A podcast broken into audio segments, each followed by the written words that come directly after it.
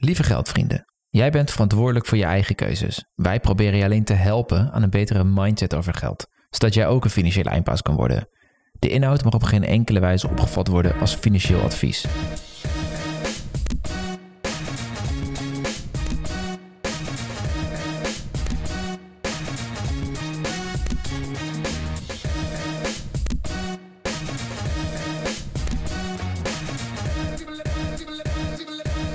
Welkom en leuk dat je luistert naar een nieuwe aflevering van De Geldvrienden.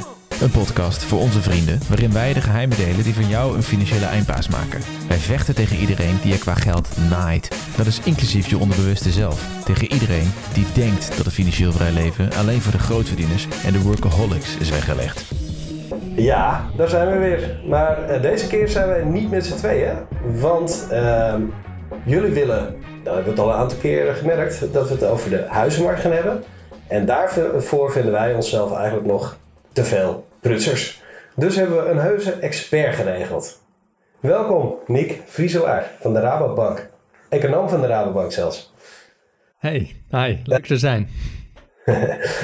um, ja, voordat we van start gaan, nog even de huishoudelijke mededelingen. Uh, ben jij al een vriend als, uh, als je nu luistert? Nou, stel uh, dan, dan kun je je duimpje omhoog steken op bijvoorbeeld Spotify. Je kan je abonneren op Apple Podcast. Je kan een review achterlaten. Je kan je abonneren op onze nieuwsbrief. En zo word je een echte geldvriend. En welkom allemaal. Juist. En jij natuurlijk niet. Thanks, hi. Zullen we gewoon gelijk uh, erin duiken? Nou, dan En, Lekker. eh, want uh, ja, de huizenmarkt, een veelbesproken topic. Eigenlijk doet, doet het altijd goed op een verjaardagsfeestje. Ja. Um, en als we dan toch over een verjaardagsfeestje hebben. Uh, Niek, hoe stel je jezelf voor op een verjaardagsfeestje? Ja, over het algemeen gewoon als uh, Niek. Maar als mensen echt doorvragen, dan uh, zeg ik dat ik bij Rabobank werk als econoom.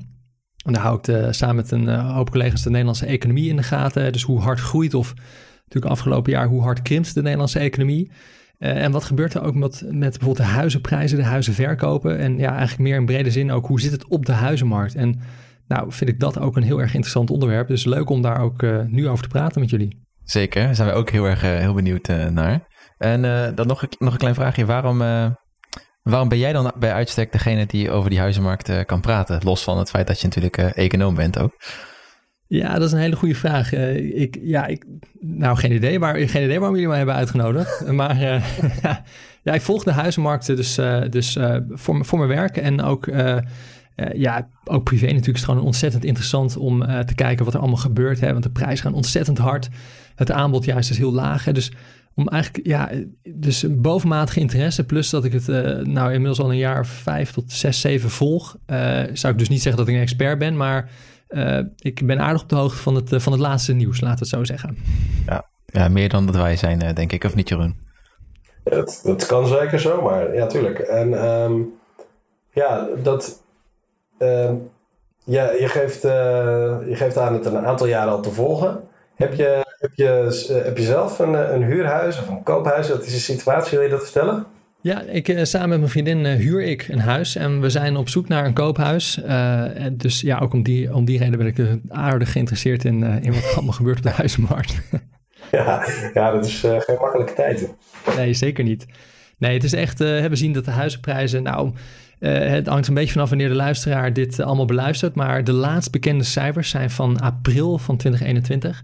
En toen waren huizen ongeveer 11,5% duurder dan april van 2020. Nou, maar nog veel interessanter is eigenlijk omdat het juist de laatste maanden ontzettend hard gaat.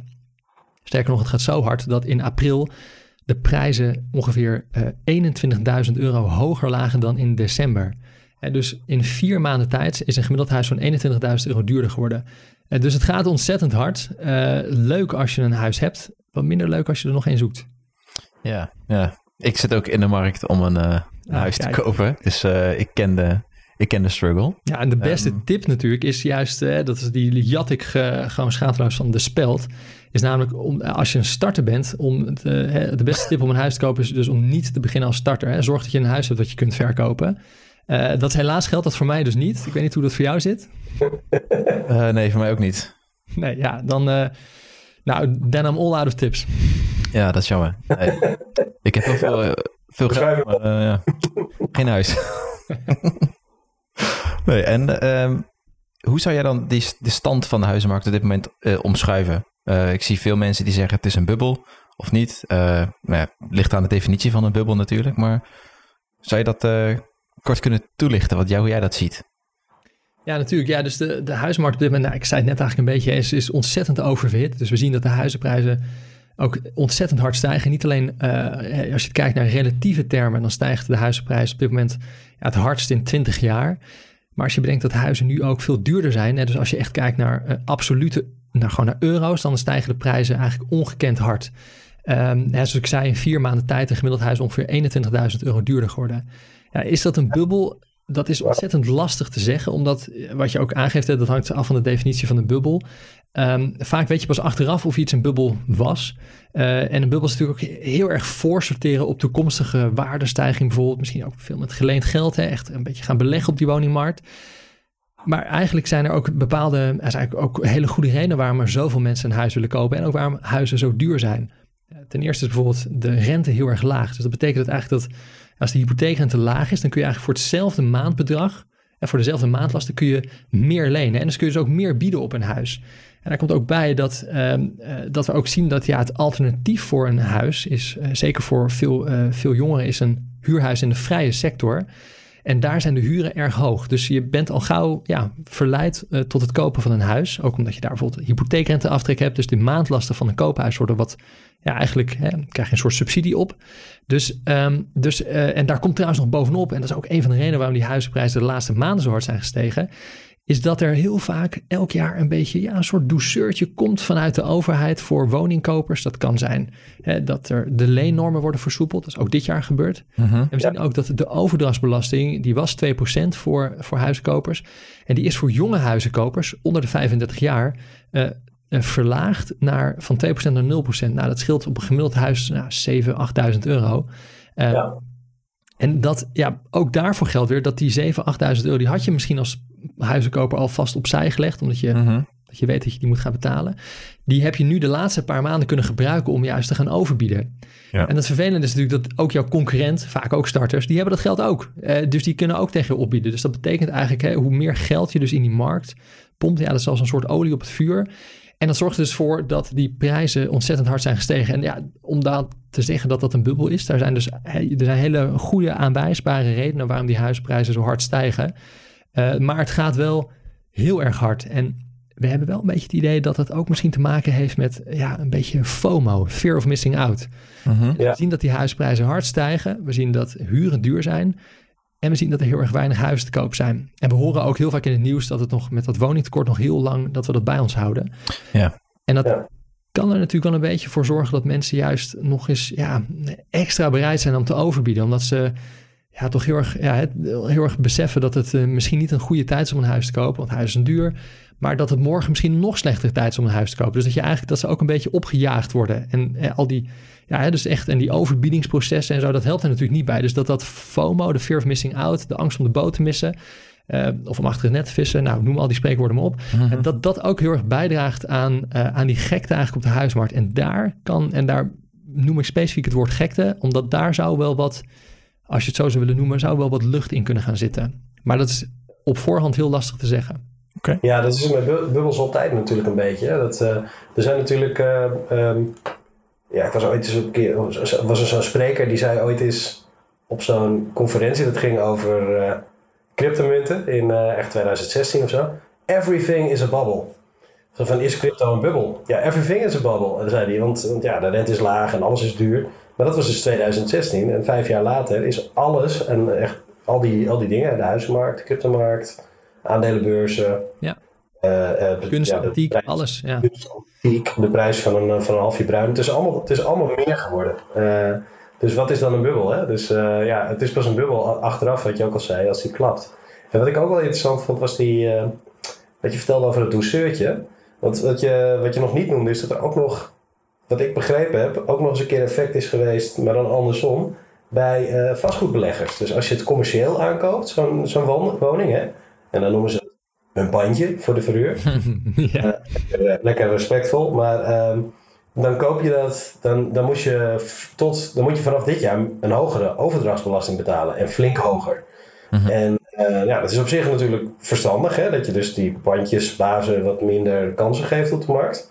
Maar wat er wel voor zorgde, dat ze vorig jaar allemaal nog als een, als een idioot uh, huizen zijn gaan aankopen voordat het einde van het jaar. En dan moest dat allemaal overgedragen voor het einde van het jaar. Ja. En daarna kwam dus die, dat douceurtje voor de, voor de starter. Die dus ook allemaal huizen ging kopen. Dus dan heb je een dubbele klap. Dus je, je, je verhoogt één keer de prijs omdat men er nog snel even opduikt. Als de institutionele beleggers. Ja. Of institutionele, sorry, professionele beleggers. En dan nog eens een keer de particulier eroverheen met, uh, met zijn uh, ja, iets dikkere portemonnee iets meer uh, ruimte om te bieden. Nou, ik en, weet niet of, uh, of de particulier per se meer ruimte heeft om te bieden dan een, uh, dan een belegger hoor. Dat, daar, daar... Nee, ik bedoel meer dan dat hij had, wat jij aangaf. Van die, ja, ja, sorry, ja, precies. Nee, ja. je hebt helemaal gelijk. Nee, dus dat is precies ook wat, wat we zagen. Dus we zien eigenlijk, en, en dat ook die overdrachtsbelasting is natuurlijk eerst na wat je zegt, eigenlijk in het laatste kwartaal van 2020 en na de, de, de maanden nadat die maatregel wordt aangekondigd tijdens Prinsjesdag zag je dat inderdaad heel veel uh, beleggers hun aankopen naar voren haalden. En ook kosten wat kost natuurlijk, uh, hè, heel anekdotisch, maar je hoorde om je heen inderdaad beleggers zeggen, goh, maakt niet uit wat, wat het moet kosten, als het maar voor 31 december op mijn naam staat en dat ik de sleutel maar heb. Ja. En je zag vervolgens inderdaad eigenlijk hetzelfde gedrag ook bij jonge huizenkopers. Niet zozeer, ook het uitstelgedrag, maar daar zat ook juist iets, ook daar zat een soort het, naar voren halen van aankopen bij, omdat um, die overdrachtsbelasting die is dus 0% voor jonge huizenkopers, maar per 1 april geldt het alleen nog voor huizen tot 4 ton. Ja. Dus je zag eigenlijk dat heel erg veel huizenkopers die misschien wat meer te besteden hebben, bijvoorbeeld stelletjes die al een paar jaar, hè, of een paar jaar uh, werken en wat, wat, wat meer verdienen en ook doorstromers, jonge doorstromers. Dat zij juist ook die aankopen van een huis van 5 of 6 of misschien wel 7 ton uh, naar voren hebben gehaald. Dus ook juist misschien als een kip zonder kop hebben uh, geboden op een huis. Omdat ze, en, en, en maar zorgen dat ze voor 1 april een huis hebben. Uh, want ja, dat scheelt je dan, zeker natuurlijk als je een duurder huis hebt, scheelt het je natuurlijk nog meer. Dus, dus ja, dat zou, dat, dat zou ik zeker. Uh, uh, ja, en dat, dat soort effecten, dat zie je eigenlijk heel vaak op de huismarkt. Hè. Dat wordt ook best wel gedreven ook door dit soort ja, fiscale foefjes, zo dit soort trucjes eigenlijk. Hè. Dus dat, je, dat zie je ook dus bijvoorbeeld bij de hypotheekrenteaftrek. Dat, dat, ja, dat, ma dat, dat maakt maandlasten lager. En dat ja. heeft ook voor hogere huisprijzen gezorgd. Ja, zou je kunnen zeggen dat al die, al die uh, maatregelen dan eigenlijk gewoon het tegenovergestelde effect hebben van waarvoor ze ooit bedoeld waren? Ja, dat is, zeker als je het hebt over de hypotheekrenteaftrek, vind ik het lastig te zeggen, omdat dat al zo lang bestaat. Ja. Uh, uh, kijk, uiteindelijk de vraag natuurlijk, denk ik, die politici zich heel erg afvragen is, hey, hoe kunnen we starters helpen zonder dat de huizenprijzen instorten? Want uiteindelijk is natuurlijk een heel erg groot deel van je van het electoraat, van de mensen die stemmen, wel of niet stemmen op jouw partij, is huiseigenaar. Hè, überhaupt het merendeel van de Nederlanders is huiseigenaar. Ja, en die zitten natuurlijk niet op te wachten dat hun huis, uh, hun huis, hun huis in, in, waarde keldert. Ook al, hè, want uh, dat, dat, zag je bijvoorbeeld in 2000, van 2008, 9, 10, 11, 12 en 13. Toen daalden de huizenprijzen. Ja, toen hadden we het helemaal niet over, de, over het lot van starters. Toen hadden we het juist heel erg over het lot van die arme ja. doorstromers die met een restschuld bleven zitten.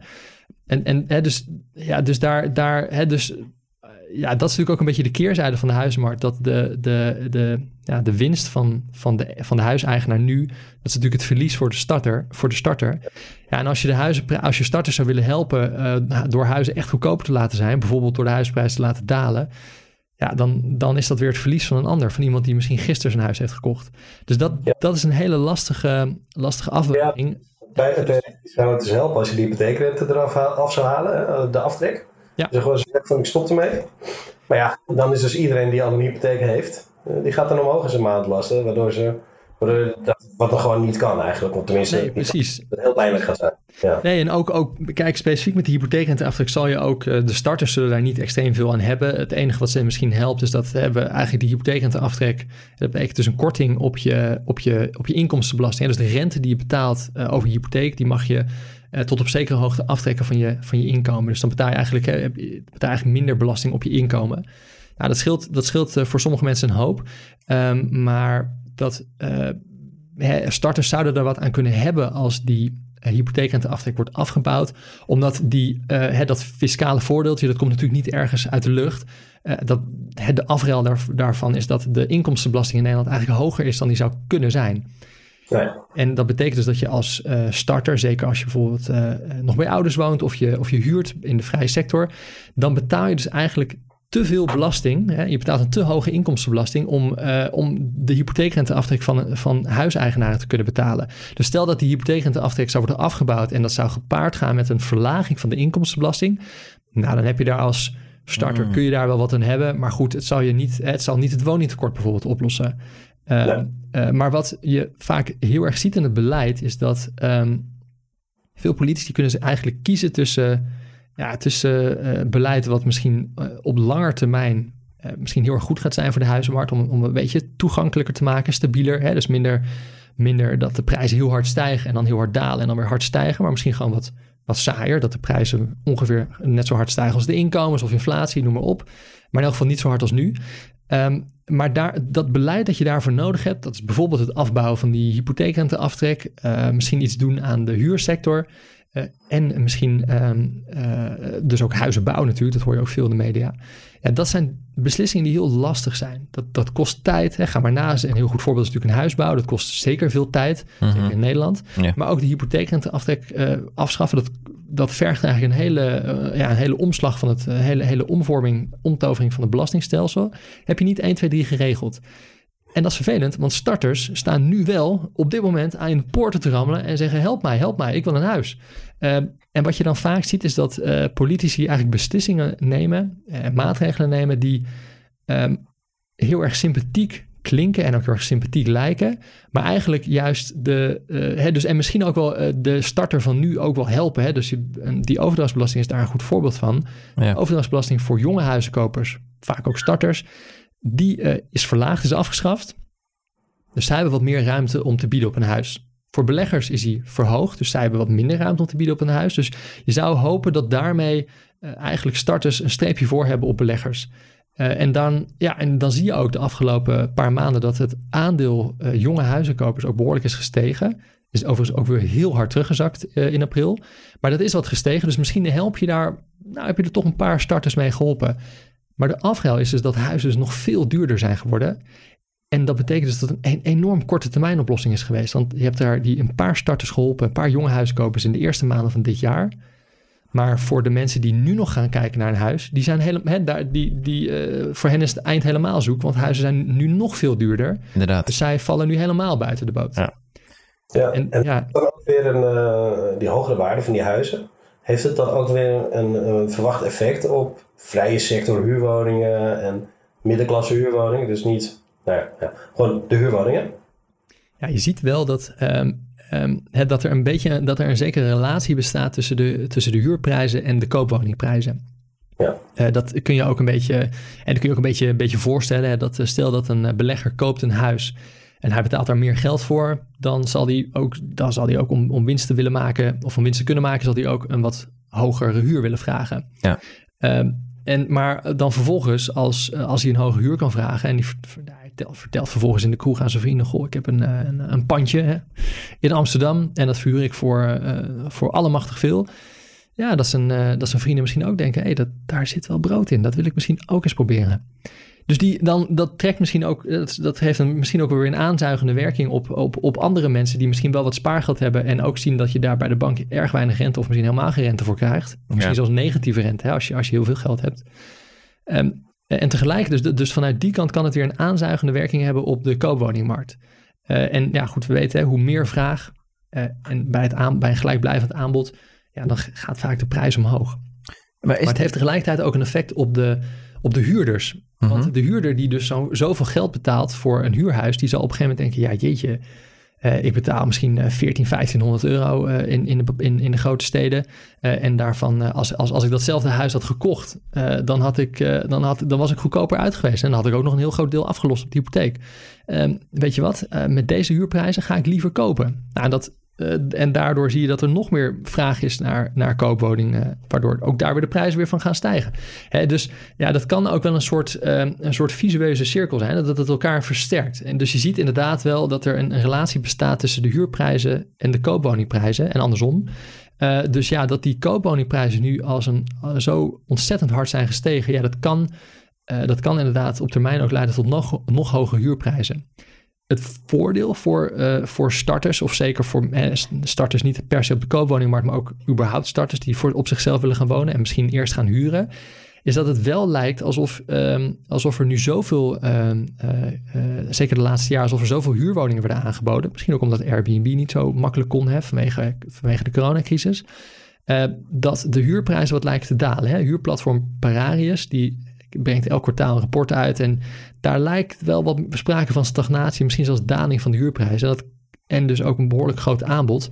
Ja, dus dat zou weer een opsterker kunnen zijn. Dus dat, dat zou dan weer voor wat minder uh, uh, vraag naar uh, pandjes om te verhuren kunnen hebben. Maar over, over, het algemeen, wat zei je? Expats, die, die, die ja. daar ook, Paradius. Ja, precies. Dus, en, en die, ja, maar die experts die zijn er natuurlijk door de, door de coronacrisis wat minder.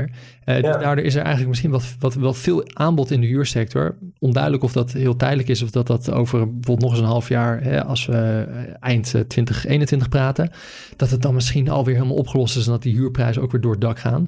Maar het lijkt nu dus tijdelijk even een beetje een pauze te zijn wat betreft huurprijsstijgingen.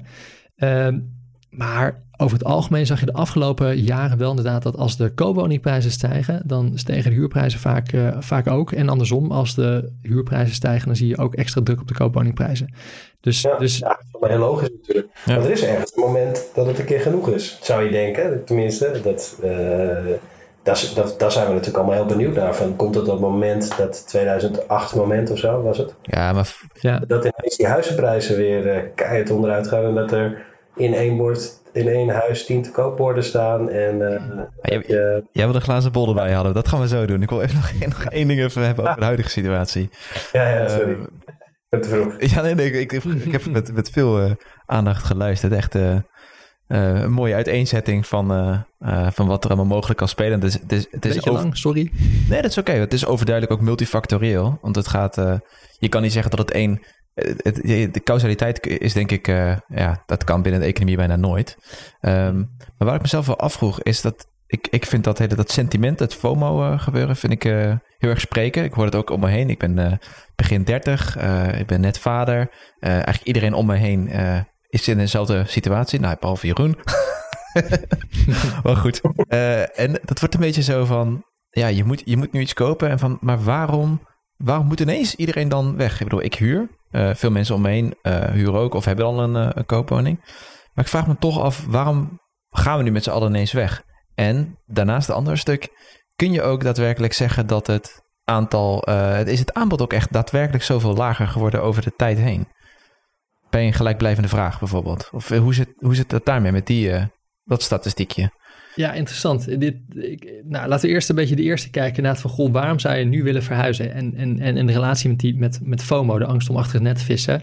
Ja, ik vind dat dan heel. Kijk, het zou uh, kunnen zijn natuurlijk dat. Um, en dat zie je misschien op de aandelenmarkt ook, ook wel. Ik, ofschoon ik daar helemaal geen expert ben hoor.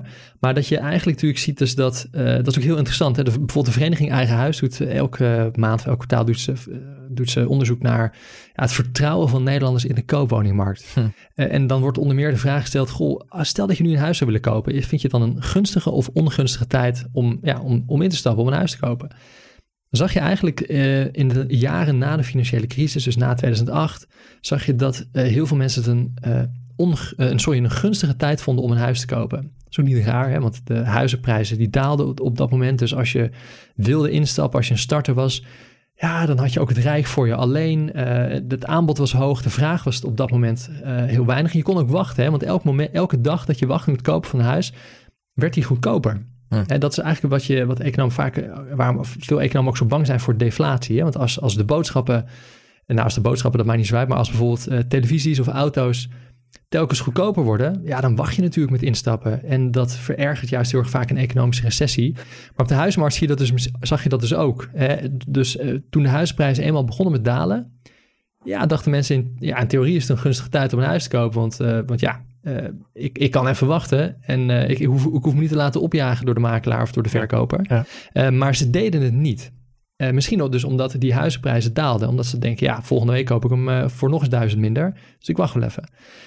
Nu zie je dus misschien juist het andersom. Dus je ziet ook in die vereniging Eigen Huis marktindicator, zie je dus dat um, sinds een paar jaar dat, dat Nederlanders overwegend zeggen dat het juist een ongunstig moment is om een huis te kopen.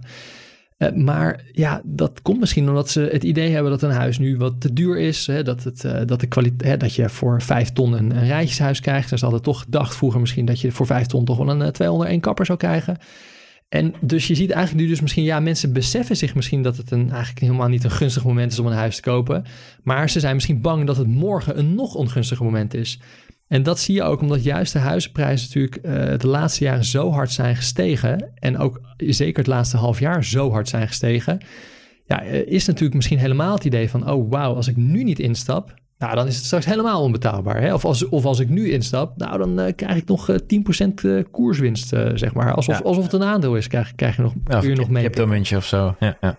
Dus, en wat natuurlijk daar, en dat, dat, dat gevoel kan misschien ook worden, kan misschien zijn versterkt ook door de coronacrisis. Omdat veel, veel, woning, veel mensen, veel, veel woningmarkteconomen, waaronder wij zelf ook, dachten ook dat die coronacrisis zou leiden tot, nou, sowieso tot een enorme economische klap. Dat heeft het ook gedaan. Maar zeker in het begin van die coronacrisis was helemaal niet zo duidelijk of de overheid met steun over de brug zou komen, hoeveel steun, hoe effectief dat ook zou zijn.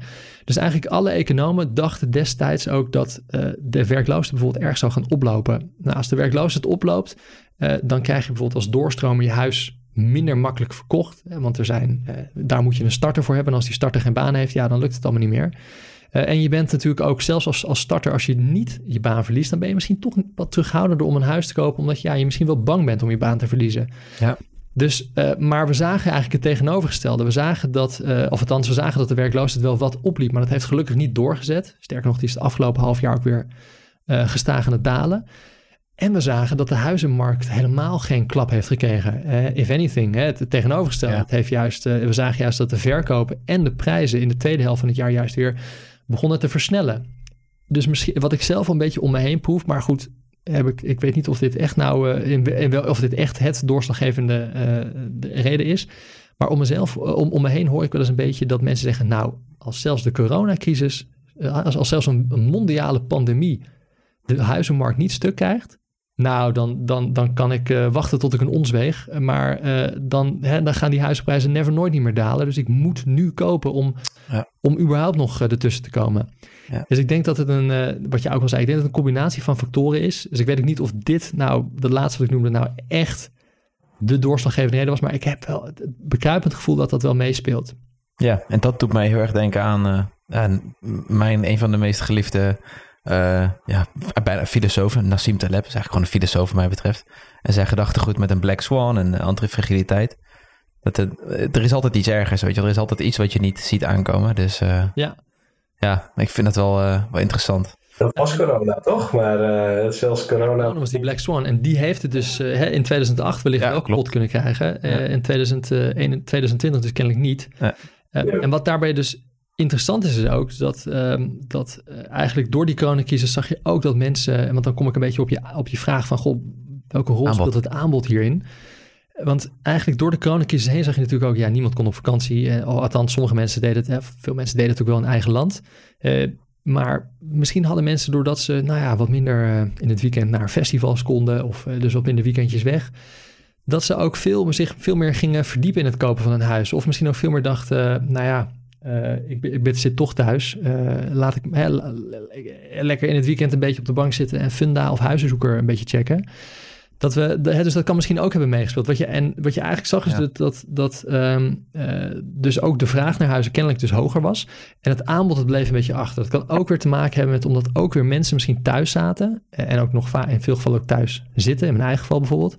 Eh, en, uh, uh, maar misschien ook bijvoorbeeld jonge kinderen hebben, zeker toen de scholen dicht waren, hè, jonge kinderen over de vloer hadden, dan is je huis te koop zetten en ook je huis telkens schoonmaken en zorgen dat je, dat, dat je dan ja, even, even wiebert dat je, en dat je je kinderen meeneemt.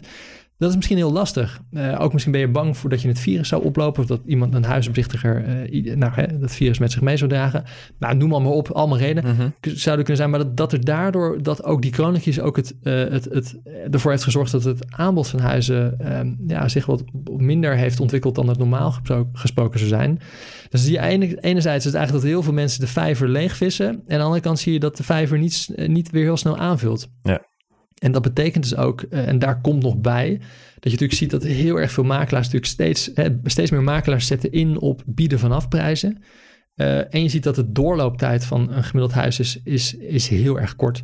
Dus je ziet eigenlijk dat er op elk moment van de dag, als je naar huizenzoeker gaat of, of Funda of ja.nl, noem maar, noem maar op, dat op elk moment van de dag staan er heel erg weinig huizen te koop. Uh, omdat die doorlooptijd, maar omdat die doorlooptijd zo kort is, zie je dat er in een maand tijd toch behoorlijk wat huizen kunnen worden verkocht. Uh, ook al heb je het idee dat er heel weinig huizen te koop zijn. Dus, je hebt, ja. dus, dus, dus als je een beetje de, de, Ik ben geen psycholoog, maar als je een beetje dat, dat proces voorstelt... en zie je, ja, je, gaat, je, je checkt uh, je, je app en je ziet van... oh wauw, er staan in de gemeente waar ik zoek staan... Uh, ja, zeven huizen te kopen of zo, uh, die nog niet verkocht zijn al. Uh, nou ja, uh, drie hebben er een tuin op het noorden. vier, of sorry, nog eens drie zijn echt een bouwval. En eentje denk je van, ja, nou, dat is wel wat. Um, en dan denk je, oh, het is er maar eentje. En dan bel je en dan, dan, dan hoor je eigenlijk al dat, die, nou ja, dat alle bezichtigingsrondes al wel redelijk vol zitten. dus dat, dat, dat, dat, dat voert ook dat nog, nog eens veel extra dat, dat gevoel van FOMO. Dus niet ja. alleen het gevoel dat je er snel bij moet zijn omdat de huizenprijzen stijgen en dat je nu nog moet instappen om ertussen te komen.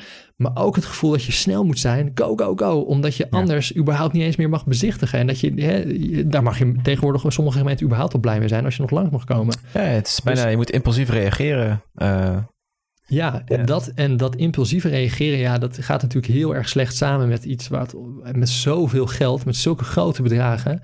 Uh, ja. En iets waar de gemiddelde persoon, uh, zelfs ook de gemiddelde woningmarkteconoom, ook niet zo heel veel ervaring mee heeft. Hè? Ik bedoel, je koopt een huis niet elke week, tenzij je misschien een belegger bent, een succesvolle belegger. Maar je koopt, hè, de meeste mensen kopen een huis misschien een paar keer in hun leven. Uh, en kunnen ook heel lastig natuurlijk inschatten, en dat bedoel ik ook voor, ook voor een econoom, voor een woningmarkteconoom, is het heel erg lastig in te schatten, wat is een huis nou eigenlijk waard? Ja. En als je dan enorm opgejaagd voelt en je ziet dat er bij het tuinhekje, dat je niet de enige bent die zich verzamelt om te kijken, maar er zijn nog drie andere stelletjes uh, ja, dan, dan, ja, dan laat je misschien ook wel heel erg veel geld uit je, uit je zak praten. Ja. Hè, dan, dan, hè, dan, dan ben je misschien toch bereid om uh, niet 10 of niet 20.000 euro over te bieden, maar gewoon om 60.000 euro over te bieden. Terwijl de eerstvolgende na jou misschien eigenlijk maar dus wel 10.000 euro had overboden. Dus, en dan, ja, ja dus, nou, goed, noem maar op. Je, het kan echt een, dat, dat, dat gevoel van FOMO, ja, dat, dat lijkt echt wel een rol te spelen. En, nou, ja, nee, ik, ik, kan een persoon, ik kan een korte persoonlijke anekdote vertellen. Dat is wel interessant misschien. Wij zijn dus ook in de markt voor een, uh, voor een huis. Uh, en wij zagen een, een huis in een, uh, niet, in een top 15 stad, geloof ik, in Nederland. Dus dat is niet, niet mega groot. En dat huis was echt een, ja, was, was gewoon oud, uit 1935. de stijl die we leuk vinden. De typische jaren 30 woning van het gezin wat ooit nog een gezinsuitbreiding verwacht. Ja. En ik, ik zag die vraagprijs en toen dacht ik, oké, oké, dat is heel goedkoop. Want ik, ik zag een vraagprijs van, van 320 of zo. En toen dacht ik, oh, dat is heel goedkoop. Want uh, weet je, dat, die, prijzen zijn zo hoog voor drie ton. Wat koop je nog voor drie ton? Dus uh, ik gelijk gebeld. Ik wil een bezichtiging plannen. Um, en daarna, uh, dat, ik, er was nog plek, dus dat was fijn. Daarna nog even rustig met een vriendin even doorgenomen. Wat, wat zouden de plannen zijn voor dit huis? Waar, hoe kunnen we dit nou voor ons comfortabel maken? Nou, dan de badkamer zat beneden, die moest omhoog. Je moest wandjes verzetten. Je moest eigenlijk voor en achter dakkapellen doen op de zolder. En eigenlijk ook nog een bredere dakkapel op de eerste verdieping. Gevelisolatie, dakisolatie, vloerisolatie. Het liefst nog een mooie aanbouw. Wat ook nog allemaal wel enigszins zou te zijn, zijn in waarde vermeerderend of verduurzaming.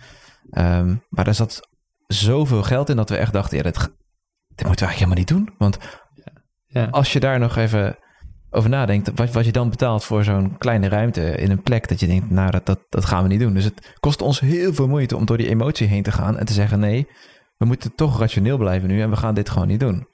Dus makelaar afgebeld en die was... Om het, uh, om het niet uh, aan te ja, gaan. Ja, klopt. Ik heb, ik heb de bezichtiging ah, afgebeld en die makelaar was... Uh, ja, ik kan niet anders zeggen dat, ze, dat die heel erg verbaasd reageerde.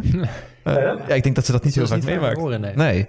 Maar het, oh, dat is zo moeilijk om daar tegenin te gaan. En dat, je wordt continu gedreven van, oh, dit kan wel iets zijn. En als ik het niet doe, dan doet iemand anders het wel. Maar ja. Het is ook een regel dat je het eerste huis niet moet kopen. Ja. Dat zeggen ze altijd. Bij deze huis ja. moet je nooit kopen. nou ja, niet eens bezichtigd. Nee. Maar het eerste huis waar je overvalt of wat je bezichtigt, moet je niet kopen. Dat is het idee. Nee. Maar dat is in deze markt natuurlijk ook lastiger. Precies, nee, dat, Kijk, precies ja. Uh, om ook een uh, persoonlijke anekdote erbij te pakken. Mm. Ik heb ooit eens een huis gekocht in 2012. En toen kon ik dus uh, in, een, uh, in mijn, uh, kon ik een, een, makelaar vinden, die aankoopmakelaar, die had niks te doen. Die zei, weet je wat, ik had, het, ik had iets van tien makelaars een mail gestuurd van wat kun je op no cure no pay basis mij helpen. Toen zei nou ja, deze zei van nou ik doe het wel voor 500 euro, ik heb toch verder niks te doen. Dus die heeft mij voor 500 euro heeft die aankoopmakelaar gespeeld voor mij. Dat kan je je ook niet voorstellen. Wauw. En, uh, en die heeft, uh, en die, dan kon ik hem gewoon vragen om uh, voor die, die, die, die, die, die en die op één dag een afspraak te maken. En dan konden we gewoon met z'n tweetjes heel relaxed zes, zeven woningen gaan bekijken. En dan zei hij ook nog, moet je even twee weken wachten voordat je een bieding doet, anders kun je te gretig kopen. Hard to get, weet je wel. en dat, ja, dat was toen, hè.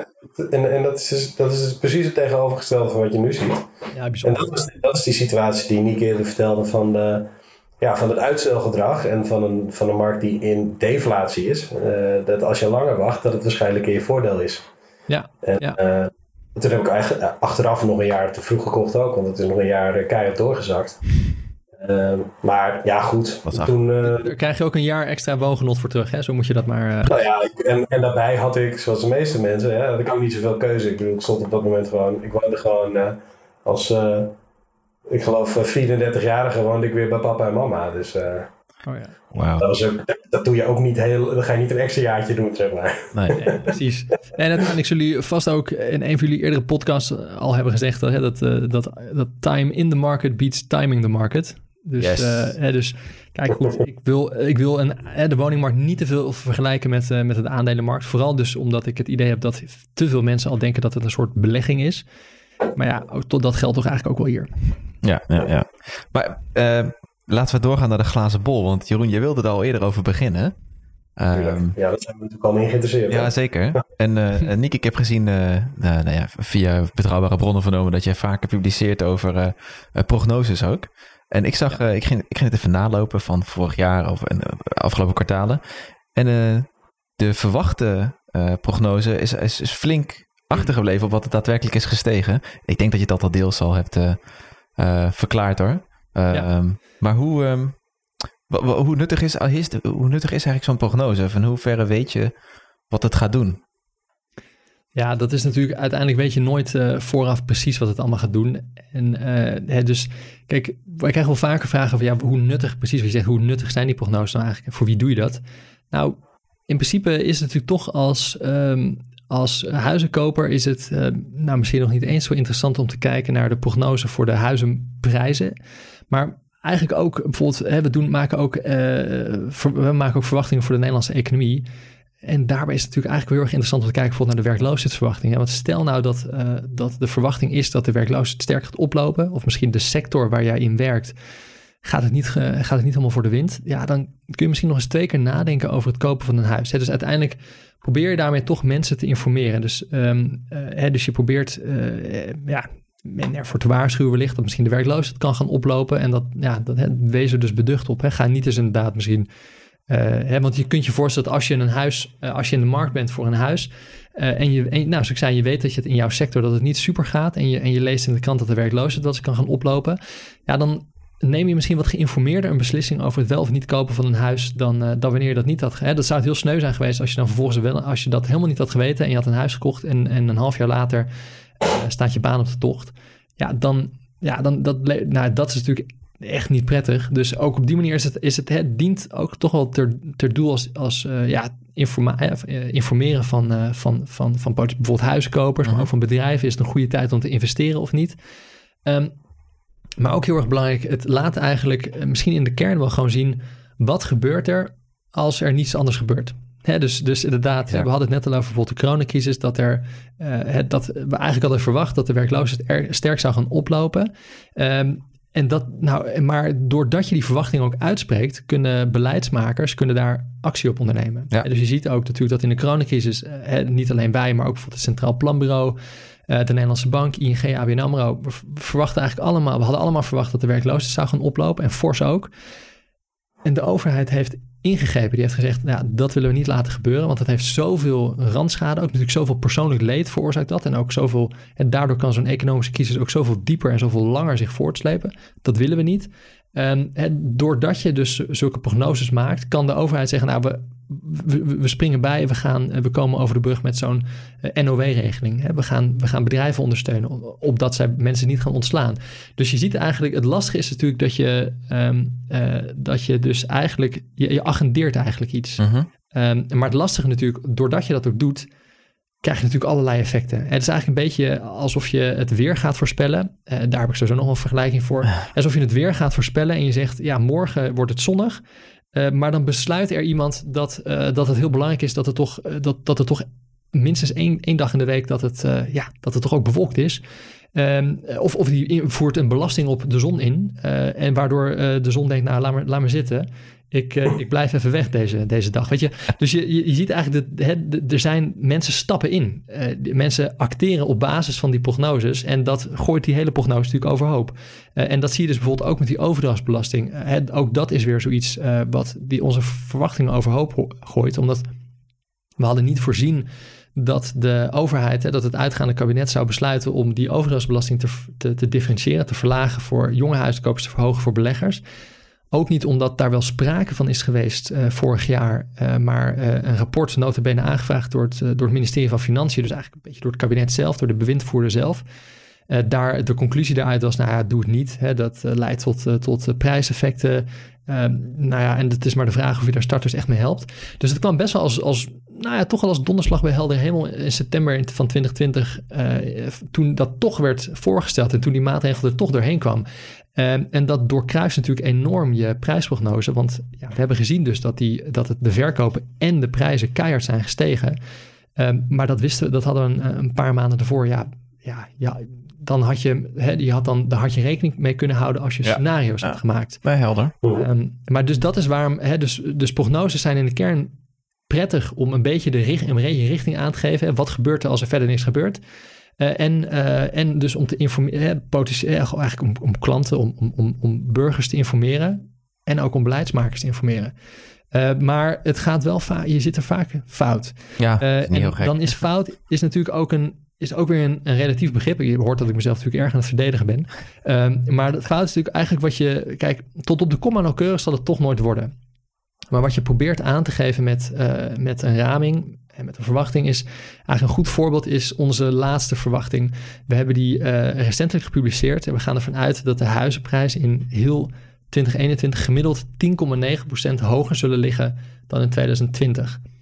Uh, ik ben heel benieuwd wanneer, uh, wanneer, wanneer je dit nu luistert, of dat uh, totaal is, is, of dat helemaal is misgerekend, of dat het inderdaad is uitgekomen. Maar we gaan er dus vanuit dat in 2021 de prijzen pakken bij het 11% hoger zullen liggen dan in 2020. Terwijl en, drie maanden geleden... Even als benchmark. Wat is de...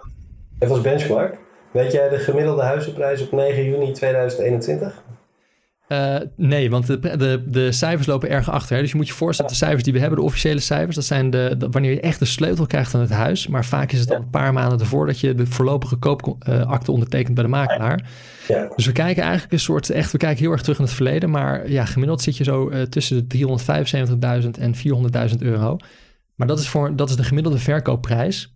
Gemiddeld, hè? Samenstellingseffecten doorheen. Dus dat betekent, hè, stel dat er in ene periode uh, juist heel erg veel uh, uh, vrijstaande huizen worden verkocht, dure huizen, ja, dan is de gemiddelde verkoopprijs ook hoger. Maar ik denk, ruwe schatting is dat, dat op dit moment, ik, nou ja, misschien iets, iets op 9 juni 2021, laten we dan iets, iets beduchter zeggen tussen de 350 en 400.000 euro.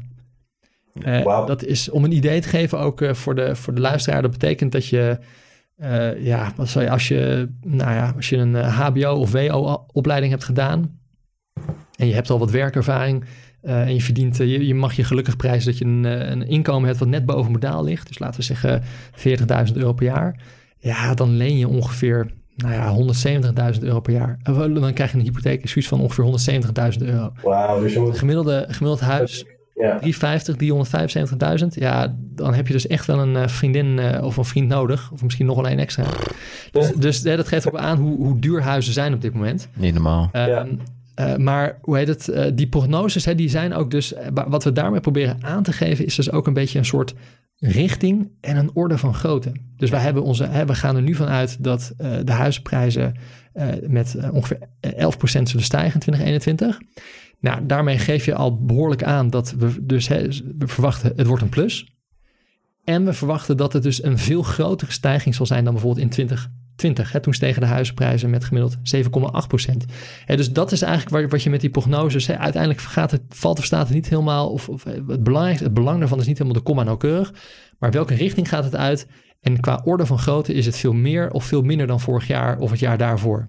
En dat is een beetje uh, waar we die prognoses ook, uh, hoe je het een beetje zou kunnen lezen, zeg maar. Ja, helder. Dat is uh, zeker helder. En ja, ik heb een andere vraag opgeschreven. Stel je hebt een borrel en iemand vraagt jou, wat gaat de hypotheekrente doen? Wat, wat zou je dan zeggen? Een biertje of zes, hè? Ja, dus losjes. Je bent, je bent wel goed beschonken.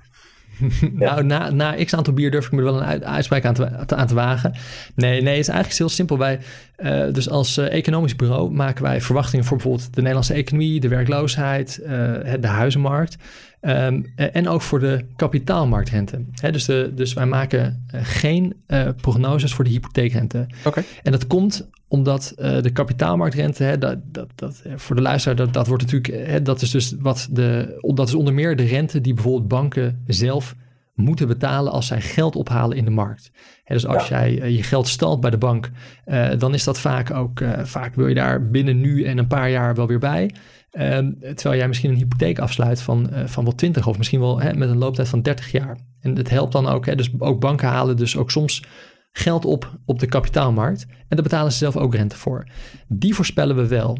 Ehm, en daarvan is de verwachting dat die, uh, ja, we praten nu op 9 juni 2021, dat die eigenlijk de rest van het jaar en volgend jaar nog relatief laag blijft. Maar ja, onze verwachting is al, al enige tijd dat die toch op termijn wel weer gaat stijgen. Maar daarmee heb je de hypotheekrente nog niet voorspeld. Want tussen de kapitaalmarktrente en de hypotheekrente zitten tal van zaken. Natuurlijk bijvoorbeeld een risicoopslag. Hè? Stel dat je een hele hoge hypotheek afsluit ten opzichte, van de waarde van het, ten opzichte van de waarde van het huis. Dan is het risico voor de bank hoger, groter. En dan betaal je ook een grote risicoopslag. Dus dan is jouw uh, rente is ook wat hoger. Um, banken willen natuurlijk ook uh, winst maken. Hè? Ook mensen als, uh, als, nou, die bij het economisch bureau werken, moeten ook worden betaald. Dus daar zit, wat, daar zit wat een opslag op. Maar die opslag die is afhankelijk van heel veel zaken. Bijvoorbeeld dus inderdaad hoeveel risico er is. Maar ook hoe concurrerend een bank wil zijn ten opzichte van een andere bank. Hè, dus ja, wil ja, wil zijn. En dus, dus, dus natuurlijk, je kunt je voorstellen dat ING, ABN AMRO en, en Rabobank, en natuurlijk, die houden elkaar natuurlijk in de gaten. Uh, en soms is het zo dus dat een, uh, stel, dat de, uh, sorry, stel dat de kapitaalmarktrente stijgt, dan stijgt soms niet meteen ook de hypotheekrente, omdat, ja, omdat hè, dus dan, dan leveren banken wat winst in, om maar te voorkomen dat ze dus zeg maar de eerste zijn die hun hypotheekrente verhogen en een marktaandeel verliezen. Dus dat, gaat, dat is niet een perfecte relatie. Dus daarom is het ook zo lastig voor ons om. Uh, dat volgt een heel andere dynamiek. Dus van marketeers, uh, salesmensen. Voor ons heel erg lastig te voorspellen. Uh, dus daar we ons ook niet Een periode gehad dat banken, als we nu misschien wat minder aan de orde, maar dat banken met kapitaalratio's zaten. En dat, dat een te grote hypotheekportefeuille beschouwd werd als een risico voor een bank. Of tenminste een te grote ja, uitstaande schuld, hè, want dat, ja, je, hebt, je hebt schulden verleend. Ehm, en dat banken daarom terughoudender werden en dan dus ook meer marge gingen vragen op hun hypotheekrente. De, met name juist de, grote, de grootste hypotheekverstrekkers. Nou, wat je wel heel erg ziet, eh, ik, ik, moest, zoals ik zei, ik ben niet echt een, dus ik werk uh, bij het economisch bureau, niet bij de, bij de afdeling die zich hè, die bijvoorbeeld bezighoudt met de tariefstelling of überhaupt bij de afdeling die uh, hypotheken slijt. Maar wat je wel heel erg ziet, en dat is bijvoorbeeld heel anders ook dan als je dat vergelijkt uh, in de periode wanneer jij, toen, toen jij huis hebt gekocht, is dat eigenlijk het marktaandeel van banken is een stuk kleiner dan toen. De drie banken, de, drie grootste banken samen nog steeds een behoorlijk uh, groot aandeel van de hypotheekmarkt. Maar veel minder dan, dan bijvoorbeeld tien jaar geleden. Als ik uit mijn hoofd, ik, zoals ik zei, ik ben geen hier, dit, dit, kan, het kan zijn dat ik het mis heb, maar is het, was het destijds zo'n 70, 75 procent. En ligt het marktaandeel nu van de drie grootste banken samen richting rond de 50 procent. En dat komt juist omdat er ook veel meer partijen nu ook zijn die hypotheken aanbieden. Bijvoorbeeld verzekeraars ja, uh, zijn een hele, hele belangrijke speler op dit moment. En daardoor zie je dus ook, hè, dus er is eigenlijk meer concurrentie. En dat is dus misschien ook waarom, uh, waarom de tarieven eigenlijk en de hypotheekrentes de laatste nou ja, vijf tot tien jaar ook zo hard zijn gedaald. Omdat dat dus, ja, er zijn meer concurrenten. En dat is ook weer zo, hè, dan weet je vanuit de economieles nog, dat als er, ja, dat in een markt waar veel, veel mensen elkaar proberen af te troeven, ja, dan gebeurt dat onder meer ook op prijs. Ja, ja. is elasticiteit. Of zoiets. Ja, zoiets inderdaad, hè. Ja, ja. Ah, leuk. Nou ja, helder. Uh, jij, jij doet er geen uitspraak over. Dat is goed, dat is prima. was ik ook... Nee, want ik, zoals ik zei, daar ga ik... Ik bedoel, nee, uh, als, je, als je hem al afrekent op, uh, op, mijn, op onze prijsprognoses van, van een, bijvoorbeeld een half jaar of een jaar geleden... eh, ik ga nog veel natter als ik de hypotheekrente zou gaan voorspellen. Daar, omdat ik daar gewoon echt veel minder van weet. Ja joh, dat hoef Ja. ik helemaal niet. Het, eh, Als je kijkt naar inflatieverwachtingen en zo, en dat, dat heeft meestal ook wel effect op rente. Ja, dan zie je toch dat, eh, dat in de markt dat de inflatieverwachtingen wel stijgen. En dat, eh, Ja. dat, dat, dat, dat rentes eh, ja, een klein beetje beginnen te volgen. Maar die zijn natuurlijk nog steeds ultra laag overal. Ja, ja. Dus ik ben wel benieuwd wat er gebeurt als die ineens gaan stijgen. Want dat zijn natuurlijk in het verleden vaak de allergrootste schokken geweest op de huizenmarkt en op de aandelenbeurzen. Als die, rente, die kwamen, die renteshocks, eh, eind jaren eh 80, 70, begin jaren 80. Ja, ja, precies. ja klopt. En het, ja, eind jaren, eind, ja, ook 2007, 2008 ging toen ook op een gegeven moment eh, die rente omhoog. Omdat, eh, omdat alles zo overhit was. En ja, en toen had je natuurlijk ook nog een keer een, eh, een andere crisis. Maar eh, Klopt, ik denk dat destijds was vooral die andere crisis was heel erg doorslaggevend. Dus je zag eigenlijk de vorige crisis dat eigenlijk in bijvoorbeeld de 10, 20 jaar voorafgaand aan de financiële crisis van 2008, zag je Ja. dat de hypotheekrentes en de kapitaalmarktrentes en ook je spaarrentes eigenlijk al wel wat langere tijd eh, door de bank genomen een beetje aan het dalen waren. Eh, Ja. En je zag toen, zeker richting 2008, zag je op een gegeven moment was er natuurlijk was er superveel onzekerheid in de financiële markten. En dus als je dan iemand je geld uitleende, ja, dan wil je daar wel daar, dat daar wel wat tegenover stond. Want het risico was, eh, in elk geval in, in jouw ogen, was ontzettend groot. Ehm, maar wat je, toch? Ja. precies. Dus wat je, wat je nu eigenlijk heel erg ziet is inderdaad dat er behoorlijke discussie is onder economen over die inflatie. Hè? Bijvoorbeeld dat de vraag ook is het tijdelijk of niet. Eh, want je ziet eh, een deel van de inflatie komt doordat er te- tekort is aan grondstoffen, eh, tekort aan computerchips. En de vraag is hoe lang dat gaat duren. En dus stel dat het een kwestie is van een, van een paar maanden of een half jaar. Of misschien zijn de prijzen in de horeca nu wat hoger. Omdat, omdat we nu allemaal, nu, we- nu we weer mogen, naar, naar het terras willen. En straks nou ja, richting de herfst misschien denken we, nou ja, leuk was het, maar ik hoef nu niet zo nodig meer. En dus het is heel, en dan, dan zou, zou je ook verwachten dat als de prijzen nu hoog liggen, omdat de vraag hoog is, dat ze dan als mensen zeggen, nou, ik heb het weer gezien, dat ze dan weer zouden dalen. Maar het kan ook zijn dat mensen natuurlijk permanent denken, oh wauw, ik heb echt wel wat gemist tijdens die coronacrisis. Ik ga er volle bak gooien. Ik, ik ga, maak gewoon een afspraak met mezelf gewoon om meer van het leven te genieten en om gewoon elke week minstens een keer uit eten te gaan. Nou, als je daar de financiële middelen voor hebt, eh, hè, doe dat zou ik zeggen. Maar dan kan je zien dat die inflatie dus misschien helemaal niet tijdelijk is.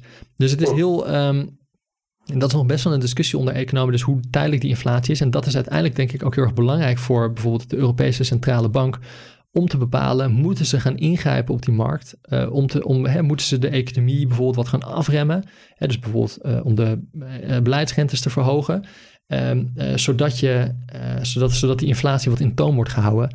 Als dat gaat gebeuren, ja, terecht punt. Want eigenlijk waar we het eerder in de podcast ook al over hadden, was dat een van de redenen waarom de huizenprijzen zo hard zijn gestegen de afgelopen tien jaar, niet alleen in Nederland, maar ook in, ook in heel veel buurlanden, is die lage rente. En dat betekent dat als je voor dezelfde maandlasten kun je meer lenen. Want ja, en dat betekent dus ook dat je meer kunt bieden.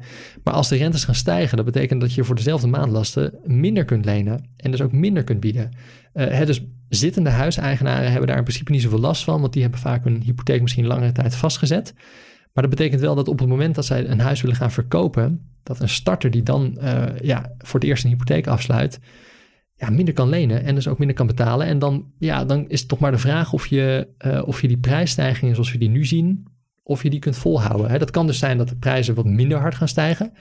Maar in een, eh, hè, in een, scena- er zijn ook scenario's denkbaar waar dat eh, inderdaad zou kunnen leiden dat de huizenprijzen gaan dalen. Kortom, Ja, we- en weten we ik niet. natuurlijk weer naar de glazen bol aan het kijken. Maar Ja, het is wel, een, eh, het, het- ja, het is wel een scenario wat... Ja, je gaat er toch langzaamaan rekening mee houden. Gewoon uit- op basis van het verleden. Maar ja, het, het verleden is natuurlijk... Zegt natuurlijk niet zoveel. Eh, nee, want we dachten bijvoorbeeld ook eh, vier jaar geleden dat de rente toch echt niet zo heel veel lager zou kunnen. En nou ja, zie hier. Ja, ja, ja. Maar Ja, precies. Toen was het ook zogenaamd op de allerlaagste. Hè. Het ging, nooit meer... eh, negatieve rentes was geen... eh, dat ging echt niet gebeuren. Nee. nee, dat ging niet gebeuren. Nee, dus, dus er was maar één weg omhoog. En intussen Ja. is, de, is de hypotheekrente geloof ik nog een procentpunt of zo, of twee procentpunt lager. Nou, dat is bizar. Ja. Dus, eh, Maar Nick, je, ja, je betaalt voor een spaarrekening, toch? Eh, als je Oh, genoeg, ja, als je genoeg geld hebt, dan eh, ja. En nou, trouwens, je betaalt natuurlijk, eh, je betaalt eh, in reële termen. Hè, dus als je ook rekening houdt met inflatie, betaal je natuurlijk al heel erg lang Eigenlijk hè, uh, wordt het geld dat je op je spaarrekening hebt, wordt minder waard. Omdat de inflatie echt al jaren hoger is dan de, dan de rente die je ervoor krijgt. Ja, nou, dat, dat, over, over inflatie hebben we al heel veel gepraat, hè Jeroen? Ik zou zeggen. maar, het is ook zo belangrijk. Ja, het is heel belangrijk, ja. Maar waar ik wel benieuwd naar ben, is dat uh, jij bent net als ik, een, volgens mij zijn we even oud. Um, en we zijn mm. allebei in een soort vanzelfde fase. We willen allebei een, we huren allebei en we willen allebei een huis kopen, toch? Dat is volgens mij de situatie. Ja, klopt. Ben je niet, dus heb je niet zoiets van ik ga helemaal niet meer kopen, ik blijf gewoon lekker huren? Of um, hoe zie jij dat voor je? Ga je, dan, je, je wil echt wel nog een huis kopen? Ja, dus eigenlijk de, de ik, ik, ik, proef hier uit een beetje de vraag: goh, huren versus kopen. Wat is nou verstandig? Wat, wat, wat wil je? Wat, wat zou je nou aanraden? Ja, ik denk dat eh, zelf zou ik denken heel erg. Kijk, er zijn heel erg veel voordelen aan huren en er zijn veel voordelen aan een huis kopen. Voordelen van huren zijn bijvoorbeeld dat je heel flexibel bent. Dus stel, dat je, uh, stel dat je morgen een baan aan de andere kant van het land krijgt dan is het heel erg prettig dat je ook niet je huis eerst moet verkopen. dat is nu misschien wat minder een probleem, maar het zou ook kunnen zijn dat, uh, dat huizen wat minder goed verkoopbaar zijn, hè, zoals in, het, in de periode dat Jeroen zijn huis kocht. Ja, en als je dan heel nodig moet verkopen, omdat je elders uh, aan, aan, werk, werk hebt, een baan hebt gevonden, ja, dan kan het ontzettend en dan echt een blok aan je been zijn. Ja. Uh, dus die flexibiliteit van een huurhuis is ook wel wat waard. En dat geldt ook voor bijvoorbeeld het feit dat je natuurlijk weinig onderhoudskosten hebt. Eh, en je hoeft je helemaal geen zorgen te maken dat, je, dat het huis minder waard wordt. Hè? Dat is niet mijn probleem, dat is het probleem van de huurbaas. Um, uh, maar er zijn natuurlijk aan een koophuis dan ook voordelen. Bijvoorbeeld dat je veel makkelijker een huis kunt inrichten en kunt verbouwen. Zoals, precies zoals jij het zelf wil, mits je daar natuurlijk het budget voor hebt. Mhm. En je hebt vaak ook meer keuze. Dus eh, bij een huurhuis zit je, nou, zeker in de vrije sector, zit je behoorlijk vaak vast aan een, uh, aan een flat of aan, of aan een appartement. Um, bij een koophuis heb je gewoon vaak veel meer keuze. Niet alleen qua type huis. Je hebt er veel vaak ook een huisje met een, met een tuin. Maar ook qua regio's. En bijvoorbeeld in de grote steden heb je over het algemeen, behoorlijk wat huurhuizen. Maar kom je eh, buiten de grote steden, dan, heb je daar, dan is het aanbod van huurhuizen daar vaak veel schaler. Is er soms misschien niet eens. Heb je, heb je meer, gewoon, daar heb je eigenlijk twee smaakjes. Sociale huur en koophuizen. Uh, die vrije huur zit er helemaal niet eens. Uh, en niet altijd. Uh, dus ja, dus je hebt ook, hè, dus ook bij, bij een koophuis heb je natuurlijk gewoon behoorlijk wat voordelen. En je hebt dan weliswaar het risico dat het huis minder waard wordt. Maar je hebt ook het risico dat het huis meer waard wordt en je op papier rijker wordt. Ja. Um, dus, dus er zijn dan allebei zijn voor- en nadelen. Maar wat je ziet in Nederland is dat de uh, huizenprijzen eigenlijk zijn super hoog.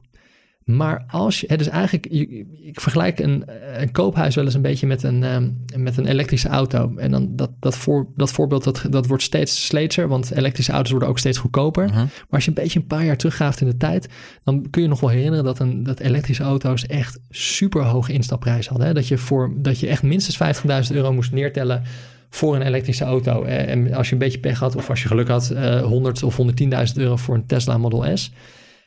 En ja, heel weinig mensen konden zich die dus veroorloven. Maar de mensen die zich dat wel konden veroorloven, die die hoge instapprijs konden betalen, ja, die reden uh, relatief goedkoop, weinig onderhoud misschien. En die genoten veel voordelen. En dat zie je eigenlijk ook bij koophuizen. Dus hè, die instapprijs wordt steeds hoger en hoger. Hè, waar we het net al over hadden, uh -huh. 350, 400.000 euro.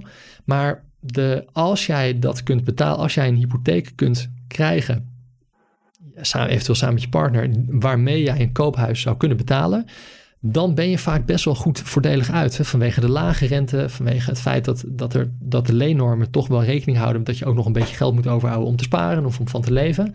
Um, dus het probleem op de, op is echt die instapprijs. Die is steeds hoger. Maar je bent in principe ben je als, uh, als je eenmaal een huis hebt gekocht, ja, dan woon je best wel goed. Op de huurmarkt is dat natuurlijk heel anders. Daar is niet de instapprijs heel hoog. Daar is gewoon überhaupt elke maand de prijs heel hoog. Eh, dus dat is echt veel meer een kwestie van betaalbaarheid. Je ziet dat de woonlasten in de huursector uh, veel hoger liggen dan. Uh, dus het, het, het, deel dat mensen betalen van hun netto inkomen aan woonlasten, dat is in de vrije huursector ligt dat veel hoger dan in de koopsector. Zelfs als je rekening houdt met, met zaken als onderhoudskosten. Ja, dat ik net. Hou je dan ook rekening met verzekeringen en onderhoudskosten en al die dingen? Dus ook al. Ja, zelfs als je daarmee rekening houdt, betaal je als huurder in de vrije sector, trouwens ook in de sociale sector, maar dat komt vaak omdat de inkomens daar lager liggen. Uh-huh. Dus dan het deel dat je van je inkomen kwijt bent, is, is, is wat vergelijkbaarder. Of sorry, de inkomens tussen koop en vrij huur zijn wat vergelijkbaarder. Ik ben wild met mijn handen aan het gebaren, maar dat kunnen jullie helemaal niet zien, luisteraar. Dus ik zal het beter voor je uitleggen. Dus als je kijkt naar welk deel van je inkomen, van je netto inkomen, ben je kwijt aan woonlasten. Nou, dan zie je dat dit in de sociale huursector uh, dat het inkomen vaak, uh, veel, vaak lager ligt. En dat, dat je daardoor ook, mede daardoor, een heel groot deel van je inkomen kwijt bent aan woonlasten. In de vrije huursector liggen de inkomens vaak wat hoger, zijn redelijk vergelijkbaar met de koopsector, wel iets lager vaak nog. Maar daar zijn het echt die woonlasten die behoorlijk hoog liggen en waardoor je een heel groot deel van je netto inkomen kwijt bent. En als je dan ziet wat je, uh, welk deel van je inkomen je kwijt bent aan een huis, als je dat zou kopen, ja, dan is dat natuurlijk heel erg verleidelijk om, uh, om, ja, om toch te gaan kopen. Te meer omdat je ook ziet dat jij, als je een huis koopt, ja, dan ga je, misschien de, de, de, belasting gaat elk jaar misschien wel wat omhoog. En als je een annuitaire hypotheek hebt, dan ga je, uh, zeker nu er nog hypotheekrenteaftrek is, uh, want als je een annuïteitshypotheek afsluit, dan betaal je dus in het begin van de, van je, van de looptijd betaal je heel erg veel rente. Daar kun je natuurlijk, daar heb je hypotheekrenteaftrek op. Mm -hmm. en later in de looptijd betaal je vooral veel aflossing. Daar heb je geen hypotheekrenteaftrek op. Dus je ziet eigenlijk ook dat als jij een huis koopt en een annuïteitshypotheek afsluit, dat je woonlasten elk jaar wel een beetje stijgen. Maar dat is echt tientjeswerk. Als huurder zie je juist dat jouw huur eigenlijk bijna elk jaar zonder uitzondering, behalve dit jaar toevallig, uh, stijgt jouw huur. En een uitzondering is dit jaar dat in de sociale huursector zijn de huren dit jaar bevroren. Maar voor alle andere huurders geldt gewoon dat jouw huur meestal gewoon stijgt met inflatie. Yep.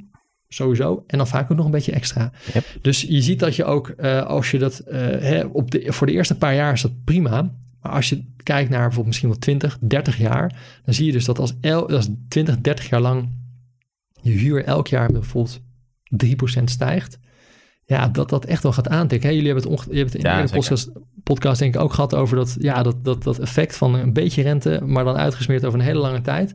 Ja, dat heb je ook in de huurmarkt. En dat betekent dus dat je bij je pensioen vaak een ontzettend groot aandeel van je inkomen kwijt bent aan huur. Hè, dat je huur echt veel hoger is, terwijl je, terwijl je woonlasten uh, als huiseigenaar vaak, ja, met pensioen zijn die, is je huis vaak afgelost.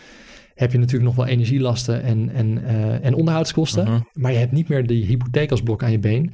Ja, dus op de, in de Nederlandse situatie zeker, maar eigenlijk wereldwijd zie je gewoon dat een, dat een koophuis ja, beter, hè, in elk geval nou, beter, financieel voordeliger ja. is. Hè, zeker op lange termijn. Ja.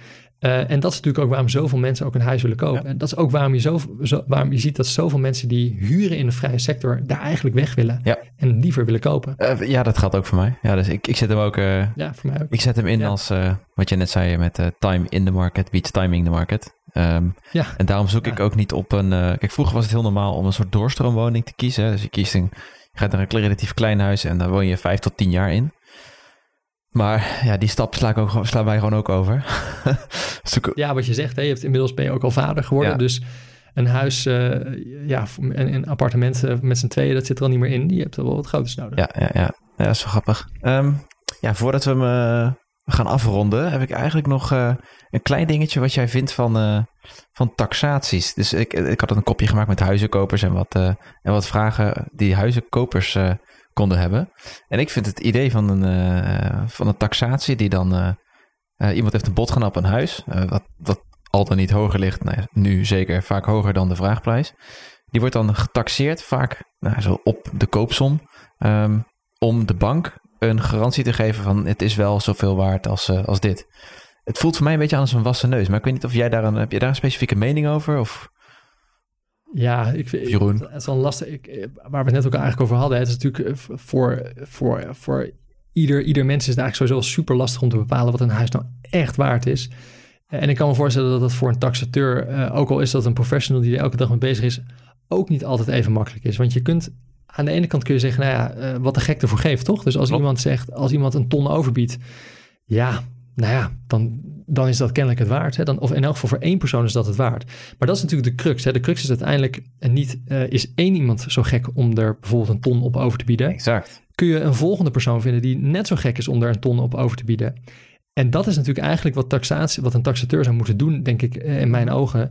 Uh, bepalen of dus nog andere mensen zo gek zijn om hetzelfde te betalen. Um, ja, en je ziet uit een uh, studie van de Nederlandse Bank van een paar jaar terug dat eigenlijk het, het merendeel van de taxaties wordt, uh, is op of boven de verkoopprijs. Precies zoals je ook al aangaf. Hm. En dat is wel, dat geeft wel te denken. Want je zou verwachten, en dat is ook het argument van de Nederlandse Bank, dat in een normale markt, als je, als je, als je het zou taxeren, of als je gewoon 100 huizen zou taxeren, dan zou je verwachten dat je, een, dat je toch een behoorlijk deel taxeert beneden de verkoopprijs en een behoorlijk deel boven de verkoopprijs en een, bijvoorbeeld een behoorlijk deel hè, op de verkoopprijs. Ja, Maar je ziet eigenlijk dat bijna alle huizen worden op of boven de verkoopprijs getaxeerd. En, het, Hm. ja, en je hoort natuurlijk, ja, dus dat impliceert een beetje dat eh, die taxaties, wat je zegt, misschien een beetje een wassen neus zijn, omdat ze heel erg, ja, zich wel heel erg eh, laten leiden door de verkoopprijs. Ja. Eh, en dus niet door wat zou een volgende gek bereid zijn Ja. om te betalen voor een huis. Is het ook niet zo dat zij gevraagd worden door een bepaalde makelaar, die, die er baat bij heeft dat er een, een hogere prijs wordt getaxeerd, eh, getaxeerd bijvoorbeeld? Ehm, heeft dat ook niet, heeft dat ook, speelt ook geen rol? Want degene die hem inhuurt, degene die betaalt, ja, die betaalt bepaalt ook een beetje toch? Ja, ja, dat wordt veel gesuggereerd inderdaad. Precies wat je zegt. Dat, eh, of, dat, of het de makelaar is die bij de taxateur zegt van... hé hey joh, eh, ja, ze hebben dit voor betaald. Dus je moet, moet dit ongeveer als... eh, als, als eh, ga hier maar vanuit. Of dat het juist de kopende partij is die zegt van... goh, eh, ja, eh, ik heb een ton overboden... maar ik heb eigenlijk maar 40.000 euro spaargeld... Dus ik moet eigenlijk, ik heb die hypotheek wel nodig hoor. Dus eh taxeer Ja. maar even wat hoger. Ja, Ja, moet ik heel eerlijk zeggen, ik, ik hoor de verhalen ook. Ehm, ja, ik vind het heel lastig te zeggen in welke mate dit voorkomt. Ik, ik- dus ik denk dat je, als we laten we ervan uitgaan dat taxateurs eh, allemaal, allemaal integer te werk gaan en ook echt hun best doen om eh, een huis op, op, op, op correcte waarde te taxeren. Eh, dus, dus, maar dan nog zie je dus dat, dat, dat de meeste huizen dus op of boven de verkoopprijs worden getaxeerd. En dat impliceert dus dat eigenlijk dat de taxaties, dat er in elk geval, ja, wat er precies fout gaat, dat weet ik niet. Maar het lijkt wel alsof er iets niet helemaal in de Ja. haak is. Maar of dat echt komt omdat er druk wordt uitgeoefend vanuit makelaars of kopers, Dat weten we nooit. ik weet het niet. Ja. Nee, ik- Nee, nee, de, de schijn is er natuurlijk eh, niet voor niks. Ja, dat kun je wel stellen, ja. Maar zijn dat, is, eh, hebben ze zeker tegen. Ja, precies. Maar dat, ja, dat kan ook beeldvorming zijn. Laten we ervan uitgaan dat dat eh, geen rol speelt. nee. Precies. Wordt Ik vind het wel een mooie dat, je, dat, de taxateur taxeert of de volgende gek er hetzelfde voor geeft. Dat vind ik eigenlijk een... eh, die heb ik nog nooit, nooit eerder gehoord. Dat vind ik wel een, eh, vind ik een leuke. Ehm, ja, ik wil me eigenlijk... Ik, ik, ik heb... eh, poeh, ik zit helemaal vol. Ik heb geen vragen meer. Jeroen, heb jij nog vragen? Ja, duizenden. Maar, eh, Vervolgens maar is die, eens een keer. Ja, laten we... la- ik, zou- ik wil, dat is misschien helemaal geen gek Gewoon idee. over een half jaar of zo, eh, als, de, als de nieuwe kwartaalcijfers eh, binnen zijn, ben ik heel benieuwd of dat de overheid weer gare foefjes heeft uitgehaald met de fiscale regelingen. Ja, ja, we hebben Eh, niet. lijkt me leuk. Ehm, Ik hoop het niet natuurlijk dat de overheid weer gekke trucjes uithaalt. Het zou ook wel eens leuk zijn als onze prijsprognose een keertje uitkomt. ja, inderdaad, dat, dat, dat hoop ik ook. Nou, ja, nou, eigenlijk niet. Ik Ja. hoop dat het heel erg naar beneden zakt, zodat we allebei Ja, goedkoop dat is kunnen kopen. Ja. Nee, ik maak, me niet zoveel uit. Het komt wel goed. Eh, Wonen kost geld. Eh, bedankt dat je eh, te gast wilde zijn. Ik vond het erg, erg leuk. Leuke informatie, Ja. leuk gesprek. Graag gedaan. Ik zat Bedankt voor jullie geduld. Ja, nee. Graag gedaan. En lieve luisteraar, als jij nou ons wat liefde wil geven, steek dan een duimpje omhoog, omhoog. Vertel het aan je vrienden. Doneer via Vriend van de Show. Word lid van de nieuwsbrief. En als je een vraag hebt, kun je natuurlijk altijd mailen met, naar ons op uh, thijs.drugs.nl of Jeroen apenstaartje yesman.nu. Zo, eh, dat was hem voor deze keer. Eh, tot de volgende. Ciao. Hi.